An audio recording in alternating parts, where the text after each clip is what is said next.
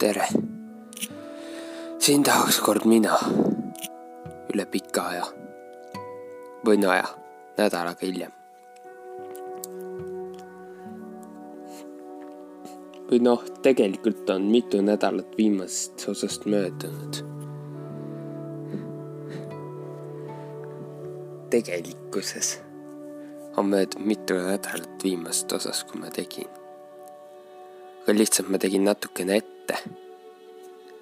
Kaks nädalat on möödunud, mööda läinud. aga ma tegin natukene ette neid osi. tead.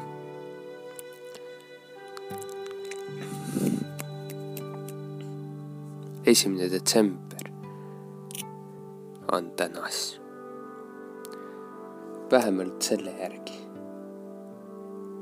esimene detsember kakskümmend kaks, kolm, kakskümmend kuus.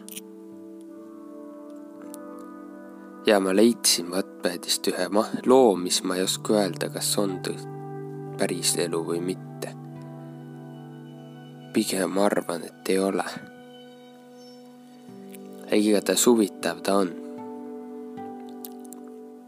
raamat nõudnud erinevad õudused internetist. Nii, Mehe sammud, lugu ise on selline. pealkiri Mehe sammud ja lugu selline. elasime kahekorruselises majas ja üürisime alumist korrust, kuna teisel korrusel olid omaniku asjad. jah, üürisime kahe alumist korrust, nemad olid need üürnikud ja teise korruse vedelesid omaniku asjad. seal elas kunagi üks meesterahvas oma perega. Mees suri mingisse haigusesse ja maja muidugi pärandati lastele. Nemad siis andsidki meile selle ilusa maja üüriks. üürid see ilusa maja. jah. jah. nii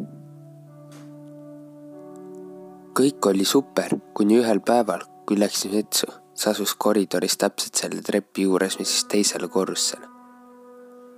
oh jube, jube, kujutage ette, siis ma kuulsingi neid samme, mis tulid alla, trepist vaikselt alla. Need olid nii selged, ma ei saanud midagi teha ka. olin nii paanikas, et jooksin tuppa teki alla peitu.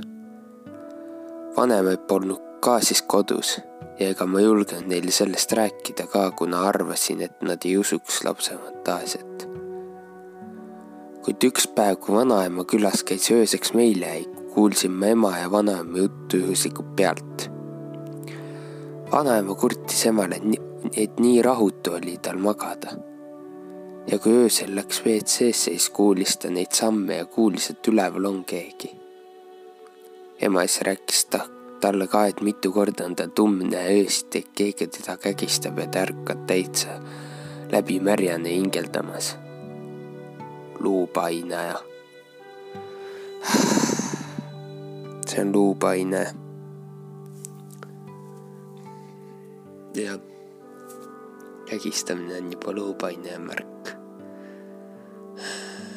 kõnnib üleval korrusel jälle sammud.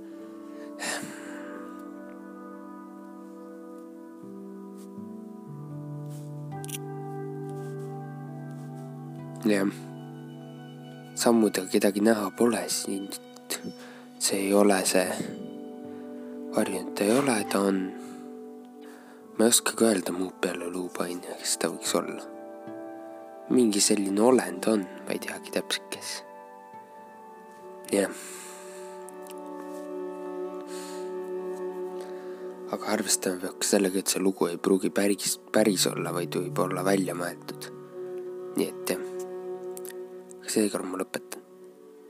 tšau, seekord on selline lühike, väga lühike, tšau.